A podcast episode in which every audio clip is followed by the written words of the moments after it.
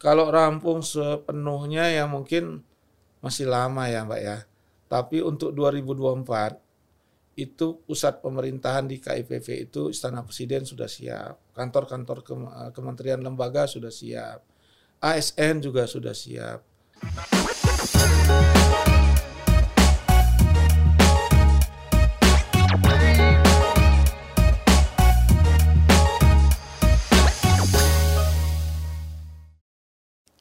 Selamat datang kembali di program Bincang Jalan dan Jembatan, persembahan dari Direktorat Jenderal Bina Marga, Kementerian Pekerjaan Umum dan Perumahan Rakyat. Saya Martina Piranti yang akan menemani Sobat Bina Marga berbincang dengan narasumber kita kali ini. Di sini kita akan membahas berbagai hal tentang progres pembangunan infrastruktur jalan dan jembatan di Indonesia. Sobat Wina Marga, di episode sebelumnya kita banyak membahas mengenai persiapan pembangunan infrastruktur yang dilakukan oleh Kementerian PUPR, khususnya Direktorat Jenderal Bina Marga. Banyak hal menarik lainnya yang akan kita gali di episode kali ini, yaitu mengenai pembangunan di ibu kota negara yang baru di Provinsi Kalimantan Timur.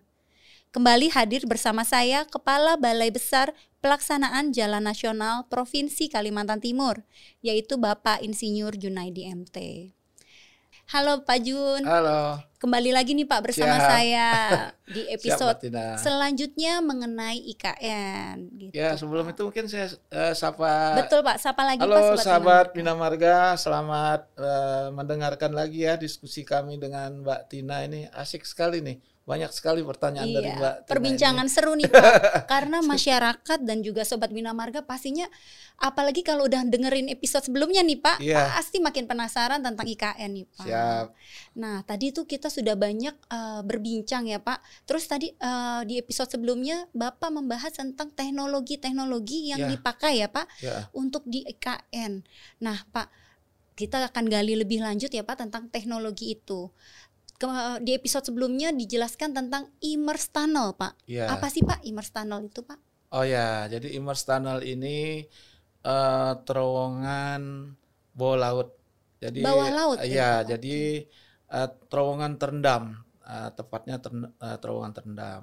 Kemarin kami sempat meninjau langsung bersama Pak Menteri, Pak Dirjen juga dengan ada Pak Direktur Bina Teknik ya, uh, langsung ke Busan Korea itu persis itu di sana ada uh, konstruksi immerse tunnel. Kita banyak belajar juga ya banyak membandingkan bagaimana proses pembangunan di sana. Uh, jadi dari situ kita bisa dapat bayangan lah terkait immerse tunnel. Jadi immerse tunnel ini nanti uh, membangun tunnel uh, di dasar laut. Uh, itu nanti akan digali seperti membuat parit. Itu nanti baru kita taruhkan uh, letakkan bangunan tunnelnya di di atas laut tersebut. Tapi digali dulu supaya clearance muka laut itu tidak tidak terhalang, tidak terhalang oleh tunnelnya sendiri. Dan itu menurut kami itu sangat sesuatu pekerjaan yang sangat menantang. Uh, sebagai insinyurnya tentunya kita keingin tahuan kita itu sangat tinggi sekali seperti apa sih? Kalau negara lain bisa kenapa kita tidak? Kenapa kita nggak coba ya? Iya, karena kira -kira membangun tunnel itu. di atas permukaan tanah aja cukup sulit ya, ya pak. Ini betul. di bawah laut. Betul. Memang tentu tidak uh, mudah ya membangun uh, immerse tunnel tersebut tetapi kita akan berusaha karena ini kebanggaan kebanggaan kita semua kebanggaan kita sebagai anak bangsa apabila kita bisa membangun sebuah teknologi yang high teknologi ya Nah, kalau jembatan kita udah biasa nih. Iya, sudah banyak terowongan ya, bawah laut belum ada. Nah, kapan lagi kita bisa terobosan baru ini ya? Betul. Kira-kira seperti itu. Kenapa sih Pak harus menggunakan teknologi immerse tunnel ini, Pak? Uh, banyak pertimbangannya. Yang pertama untuk high teknologi tadi. Jadi kita smart city ya tentu harus didukung juga dengan infrastruktur yang canggih juga. Jadi yang untuk mendukung itu. Terus juga nanti uh, pertimbangannya lain tuh untuk justru kita untuk menjaga lingkungan. Nah, di situ banyak sekali apa hewan-hewan itu karena di situ banyak hutan konservasi. Jadi ada ada hewan di situ yang sejenis monyet gitu, monyet, Belanda istilahnya itu bekantan namanya. Itu harus dilindungi dan itu sangat sensitif monyet itu tidak mau dia apa terganggu suara jadi kita justru salah satunya untuk menjaga habitat itu supaya jangan terganggu sehingga apabila kita membangun itu di bawah laut pertama kita tidak merusak lingkungan di sana kan bayangkan kalau tiap hari ada noisy ada kesibukan yeah. di situ kan pasti semua hewan yang di sekitar sana akan lari bertebaran yeah, betul. Nah, jadi kita lewat bawah sehingga di alam di atasnya juga ya seperti tidak terjadi apa-apa nah, padahal ada kehidupan di bawah ya? di bawah seperti itu Pak uh, untuk konstruksi dari immerse tunnel ini Pak kapan sih Pak rencananya akan dimulai uh, kita saat ini sedang melaksanakan pembuatan basic design jadi basic design itu kita ngambil data tanah data-data penunjang lainnya seperti apa itu uh, data kedalaman laut. Nah, jadi kita kita ambil semua data-data itu. Uh, setelah punya data, data basic desainnya, baru nanti kita akan melaksanakan pembangunannya. Begitu juga FS-nya sedang dilaksanakan ini. Kita kerjasama dengan Korea juga untuk melaksanakan visibility study-nya. Jadi kira-kira seperti itu. Kalau untuk target selesainya Pak? Kalau kita membangun, taruhlah kita di basic design kita ini bisa cepat selesai dan kita bisa lelangkan di 2023. Perkiraannya kalau berkaca dari pengalaman-pengalaman negara lain itu bisa tiga tahun bisa selesai. Oh, jadi sekitar tiga tahun untuk proyek pengerjaannya ya Pak? Iya, artinya bisa dimanfaatkan. Jadi 2026. Sementara 2024 sudah harus siap. Makanya tadi kita tidak uh, jalur lurus, kita tunda dulu untuk menyelesaikan pembangunan immerse tunnelnya, tapi kita langsung ke uh, apa ke junctionnya membelok ke Pulau Balang. Karena apa? Uh, pembangunan ibu kota negara ini kan bukan cuma sampai 2024, tapi targetnya dari 2022 sampai 2045. Jadi hampir 20 tahun lebih ya seperti itu negara-negara lain juga membangun ibu kota, pemindahan ibu kota itu membutuhkan waktu di atas 20 tahun. Iya, karena banyak yang harus dipersiapkan itu ya. Iya, betul. Hmm, oke. Bapak mengenai aksesibilitas dari provinsi-provinsi di sekitar Kalimantan ya. Timur, Pak, untuk menuju ke IKN itu seperti apa sih, Pak? Uh, jadi yang aksesibilitas yang ada sekarang, kalau dari Samarinda, Balikpapan maupun dari Penajam itu sudah ada jalan akses. Terus untuk supaya jalan akses tersebut menjadi layak, itu tadi kita buat jalan tol tadi melalui yeah. Pulau Balang. Uh, juga nanti ke depan kita akan lebarkan jalan dari Petung dari Penajam Pasir Utara. Itu kan sudah ada jalan provinsi existing dan sekarang sudah menjadi jalan nasional. Oh, sudah jadi Sudah. Jalan jadi kita membangunnya tidak ragu-ragu lagi karena sudah jadi jalan kita, sudah jadi tanggung jawab uh, Bina Marga. Bina ya, Marga. Terus juga uh, untuk pembangunan ke depan tentunya kita konektivitasnya bukan sekedar di sekitar IKN. Kita tidak ingin juga ada limitasi di di IKN ini sehingga menjadi daerah terisolir. Iya, Dia harus terbuka kan makanya kita ada program pembangunan jalan outer ring road dan inner ring road. Jadi outer ring road itu semua nanti dari segala sisi, dari segala eh, jalan-jalan uh, jalan -jalan konektivitasnya berhenti di di outer ring road tersebut. Hmm. Jadi untuk menuju ke inner ring road ke wilayah KIPP-nya nanti dia uh, kendaraan-kendaraannya sudah berubah. Mungkin kendaraan listrik, kendaraan yang emisi karbonnya rendah. Jadi uh, kendaraan-kendaraan untuk membawa logistik nanti yang ke depan uh, membawa material-material berat dia stop di outer ring road. Hmm. Enggak masuk ke dalam dia.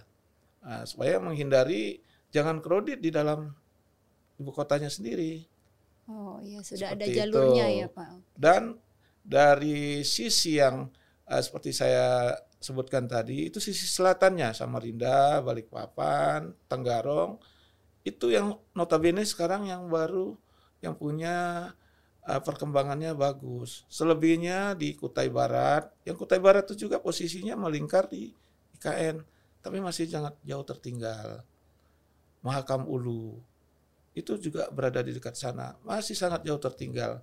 ini yang butuh kita ke depan ini kita buat sistem jaringan jalan yang menghubungkan bukan cuma antara uh, kabupaten di dalam uh, wilayah Kalimantan Timur, tapi terkoneksi dengan Kalimantan-Kalimantan lainnya. Pertama kali ibu kota negara ini disahkan undang-undangnya, Pak Presiden me, apa ya mengultimatum ya waktu itu menyampaikan bahwa yang pertama harus tersambung ini adalah konektivitas antar provinsi di, di Kalimantan. Di Kalimantan. Nah, jadi nanti uh, untuk menuju ke IKN tersebut kita akan memperbaiki jalan-jalan ke perbatasan yang nanti jalan ke perbatasan itu nanti akan langsung menghubungkan ke Kalimantan Barat, ke Kalimantan Utara dan bahkan ke uh, Long Apari itu wilayah Malaysia. Nah, jadi begitu. Perdana Menteri Malaysia pertama kali datang karena dia tahu ini uh, negara kita ini bersentuhan dengan negara dia. Malaysia, ya betul. Iya, tidak ada batas lagi. Kalau Jakarta kan dibatasin laut. Iya. Kalau sekarang langsung, jadi mereka juga tentunya Eh, faktor-faktor pertahanan, faktor yang lain-lain, hal lain yang kemungkinan untuk mengembangkan bisnis dari Malaysia sini mereka mencari peluang juga. Dan kita juga harus berbenah. Makanya program Bina Marga adalah membenahi jalan-jalan perbatasan. Kita akan menuntaskan jalan perbatasan tersebut supaya langsung terkoneksi ke uh, Kutai eh, ke Kutai Barat dan nanti Kutai Barat itu nanti langsung ada kita akan rencanakan membangun shortcut langsung menuju ke Outer Ring Road. Okay. Ya, KIVV. Jaraknya sangat dekat. Apabila nanti jalur-jalur perbatasan ini tembus dan shortcutnya juga langsung sampai ke ibu kota negara, kalau dibandingkan jalan existing sekarang dari Pontianak, eh, Kalimantan Barat menuju ke Kaltang, menuju ke Kalsel sampai ke Kaltim itu 1.700 kilo. Tapi kalau dia nanti jalan perbatasan kita tuntas, shortcut kita buat itu sampai cuma seribu aja. Jadi hmm. selisihnya hampir 700 kilo. Jadi kan begitu banyak efisiensi. Iya, waktunya, ya, jarak efisiensi waktu, betul. Jadi uh, dan itu juga untuk membuka keterisoliran kabupaten eh, kabupaten-kabupaten di sekitar. Dan juga nanti ada port estate. Port estate ini kan dibangun di Kalimantan Barat, eh Kalimantan Tengah. Itu sudah dibangun tempat-tempat daerah pertanian, hmm. Jalur-jalur transportasinya untuk menuju akses ke sana juga sudah dibangun Bina Marga. Dan nanti kita harapkan pangan itu tidak semua disuplai dari luar pulau. Jadi bisa dari Kalimantan sendiri bisa Mandiri, ikut ya, membantu. Ya, ya, tidak semua mengharapkan dari Pulau Jawa atau Pulau Sumatera, pulau-pulau lainnya. Jadi semua nanti kalau ada shortcut yang kita bisa bangun dari Port Estate di Kalimantan Tengah bisa lebih cepat ya. Langsung menuju ke ibu kota negara. Jadi aksesibilitas ini juga uh, berpotensi mengembangkan seluruh Betul. wilayah di Kalimantan iya, ya Pak. Jadi betul. seperti Pulau Jawa kan memang tidak hanya Jakarta ya Pak yang berkembang. Betul. Surabaya, Yogyakarta semuanya iya. uh, cukup uh, sama ya Pak pemerataan betul. perekonomiannya. Iya. Uh, dan ini memang sudah lama menjadi uh, PR juga bagi pemerintah ya Pak. Bagaimana mengembangkan Kalimantan secara keseluruhan betul. itu ya Pak. Oke Pak. Kalau untuk menambah kelancaran Pak dari sisi transportasi hmm. dari dan menuju IKN ada rencana pembangunan jalan bebas hambatan Pak menuju IKN? Ada, itu tadi yang tol tadi. Jadi tol yang KPI-nya eh, 30 menit tadi dengan jalan yang melalui Pulau Balang itu yang 45 menit lah sudah sampai. Jadi itu yang yang pertama kali. Yang kedua nanti kita akan bikin jalan outer ring road, jalan yang mengelilingi, jalan inner ring road. Yang inner ring road hmm. itu nanti sendiri uh, akan terhubung dengan shortcut-shortcut yang menuju ke Kabupaten Tenggarong, ke Samarinda, ke Balikpapan, melingkar dia. Nah, apabila ini semua sudah jaring-jaringan jalan ini yang sudah terwujud, insya Allah uh, apa ibu kota negara di Kalimantan ini akan makin maju, makin berkembang, jadi bisa menjadi pusat pertumbuhan ekonomi baru seperti yang diharapkan. Iya, seperti itu ya Pak. Pak kalau untuk yang tadi nih Pak jembatan uh, di IKN nih Pak, ya. ada nggak sih nanti rencananya pembangunan infrastruktur jembatan yang ikonik? Ada selain yang tadi itu Pak. Ada. Jadi jauh-jauh hari juga dulu kita sudah berandai-andai ini kita harus punya karena kita banyak sungai juga ya harus punya jembatan-jembatan yang agak menarik ya bisa dijadikan ikon juga yang cantik lah.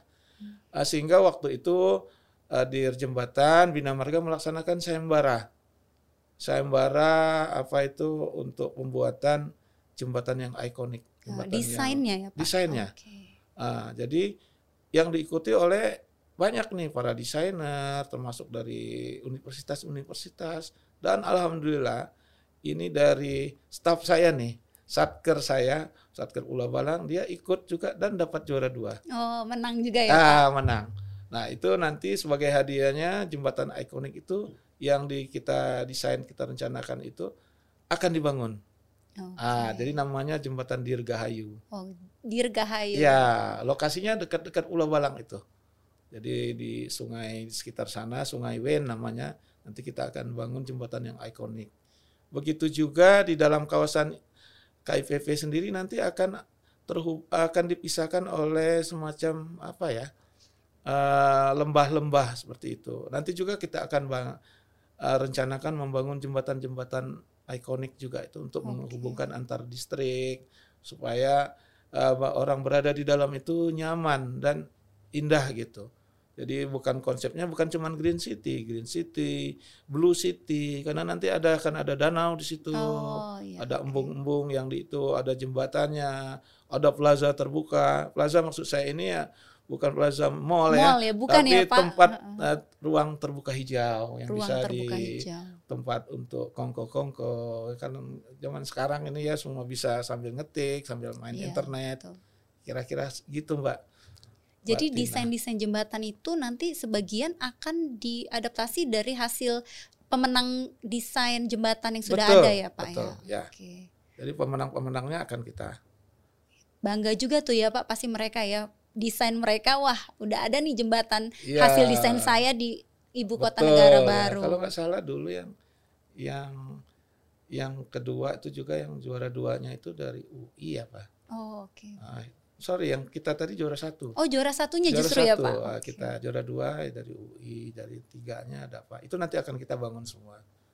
Oh kita akan diadaptasi eh, uh, desainnya ya. Ya, ya oh, mungkin okay. juga nanti kalau kita pakai desainnya tentu kita akan ada semacam penghargaan karena desainernya hmm. kan harus di itu di diapresiasi, diapresiasi ya Pak mungkin bisa juga Pak diundang ke sana ya Pak siapa bisa. tahu ya Pak.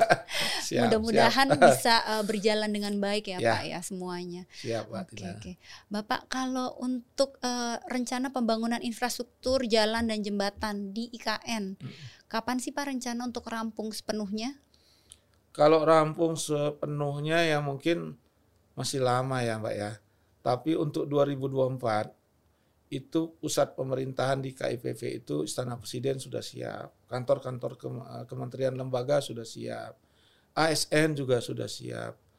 Yang akan secara bertahap dibangun itulah lokasi-lokasi misalnya pendidikan, klaster penunjang pendidik, ya, ya klaster pendidikan, klaster kesehatan itu sudah ada. Tahapannya itu sampai kalau klaster pendidikan dan kesehatan itu sampai tahun 2030 Okay. Ah, sampai 2024 ini spesial untuk Istana Presiden, Kementerian Lembaga, mungkin uh, Hankam juga, gedung-gedung itu DPR juga itu Insya Allah kita akan bertahap dibangun. Tapi yang 2024 uh, eh, itu tadi yang saya sebutkan tadi. Yang sudah pasti ya target yang ya. harus dipenuhi awal ya Pak. Dan uniknya pembangunan Istana Presiden, Istana Wakil Presiden ini melalui sayembara. Jadi Oh, ada sayembaranya ada juga, sayembara. Pak. Jadi yang desain-desain yang terbaik itu yang di dipilih, dipilih juga ya, dipakai. Oh. Jadi DPR pun disembarakan. Karena supaya ide-ide dari semua anak bangsa ini mana yang terbaik itu yang kita akan yeah. kita pakai. Iya, benar-benar diapresiasi. Ya. Jadi dari kita untuk kita ya, ya Pak. Betul, betul. Iya, apalagi ini ibu kota negara baru. ya. Jadi pasti butuh juga memang masukan ya Pak dari masyarakat nih kan banyak nih sebenarnya nih apalagi mungkin sobat Bina Marga juga mau ikutan bisa dicari tahu ya Pak informasinya. Hmm. Pasti butuh juga nih uh, masukan entah desain, entah ya. apa ya Pak yang bisa diaplikasikan nantinya di ibu kota negara baru ya, ya Pak. Betul, betul, Mbak. Seru nih Pak, menarik sekali nih Pak. Jadi saat ke sana bisa lihat wah itu desain jembatan saya Ya, gitu ya Pak. Betul, Oke betul, bangga Mbak. banget ya Pak.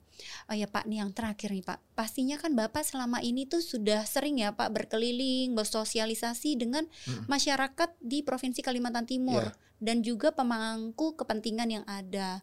Pak eh, apa sih Pak harapan terutama juga dari masyarakat di sana atas pembangunan IKN ini Pak?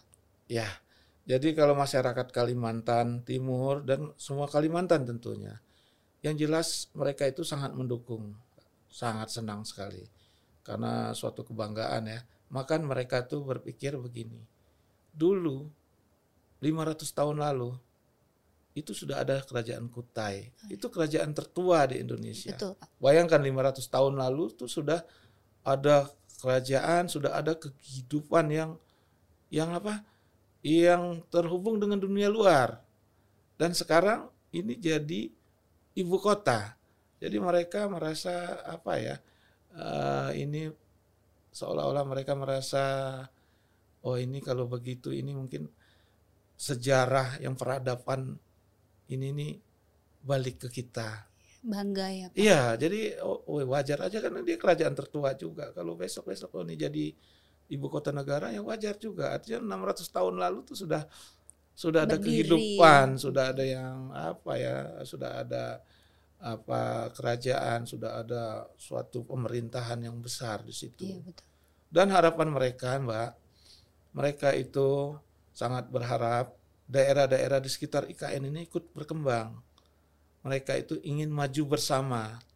Bahkan mereka tidak begitu suka kalau dibilang eh, kota penyangga. Oh iya. Dia maunya Seolah-olah jadi- hanya secondary ya. Iya, dia maunya jadi kota mitra. Iya betul. Ah, jadi makanya nanti kita akan membuat shortcut-shortcut yang kemungkinan akan bisa lahirnya TOD-TOD, Transit Oriented Development baru, tempat-tempat pusat kegiatan baru di, di sekitar sana. Karena kenapa? Di sekitar Outer Ring Road sendiri, itu di wilayah IKN tersebut, kita tidak boleh membangun sembarangan karena cuman 68% itu kan hutan. Daerah infrastruktur cuma 12%. Nah, selebihnya ruang terbuka hijau. Eh, nggak nggak boleh kita kita jangan membayangkan seenaknya bisa membangun rumah, bisa membangun. Nanti mungkin juga akan ada smart village juga yang rumah-rumah yang ada di sekitar sana yang masyarakat yang dulu dari dulu sudah ada di sana mungkin kita akan bangun eh, rumah-rumah masyarakat tuh kita bentuk sedemikian rupa sehingga menarik dengan tanpa mengusir masyarakatnya untuk keluar dari sana. Ada yang di, di apa ya dilestarikan lah seperti Iya itu dilestarikan ya. seperti itu dan mereka ingin nanti daerah mereka juga ikut berkembang karena banyak sekali potensi-potensi daerah itu eh, yang belum dikembangkan di eh, Kalimantan Timur ini. Jadi selama ini relatif cuman tambang, tambang doang. Ke depan kalau ini sudah ada jadi ibu kota, sudah ada pertumbuhan dan eh, pusat kegiatan barang dan jasa, cepat atau lambat pertambangan itu akan hilang. Oh iya. semua orang akan berbisnis ikut apa eh, restoran atau hotel semua akan semua akan eh, hilang itu. Perkebunan sawit juga pasti nanti akan ada masanya habis dia.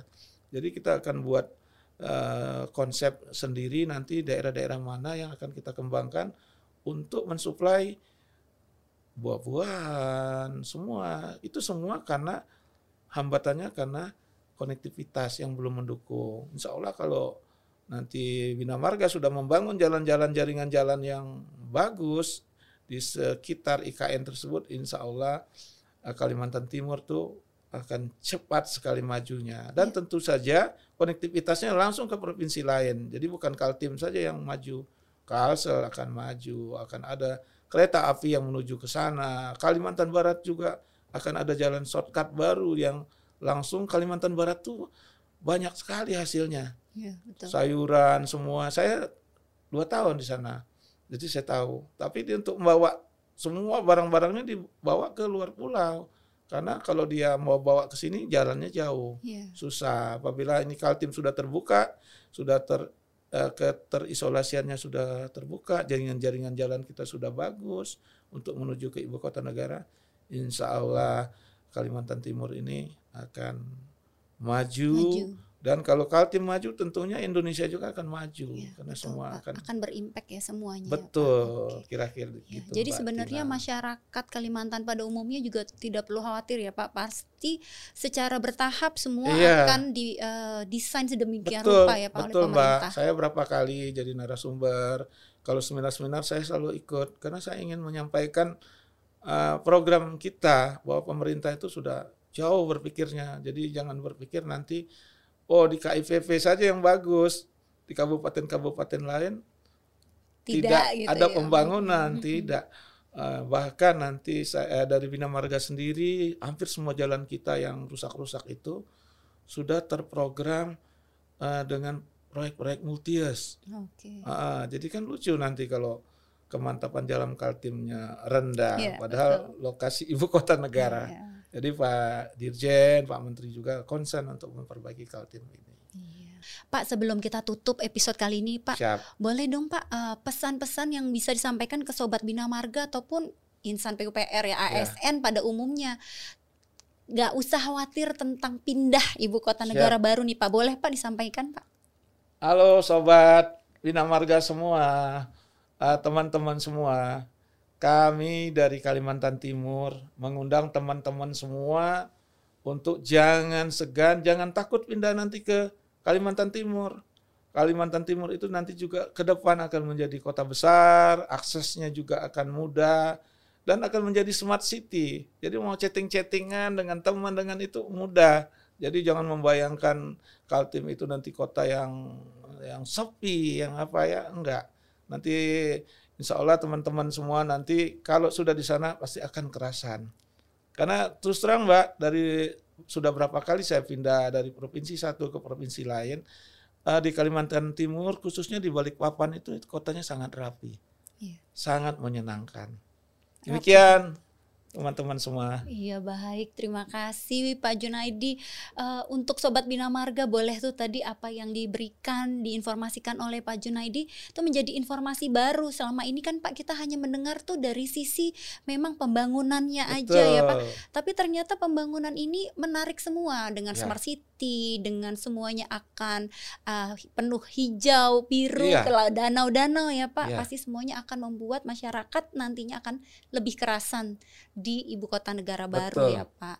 Baik Pak Junaidi, terima kasih banyak nih Pak atas waktunya dibincang jalan dan jembatan program kita kali ini. Dan Sobat Bina Marga menarik sekali perbincangan di episode kali ini. Jangan lupa kita akan bertemu lagi di episode-episode lainnya hanya di program Bincang Jalan dan Jembatan. Jangan lupa follow, like, dan komen media sosial PUPR underscore Bina Marga. Saya Martina Piranti undur diri. Tetap semangat menyambung negeri.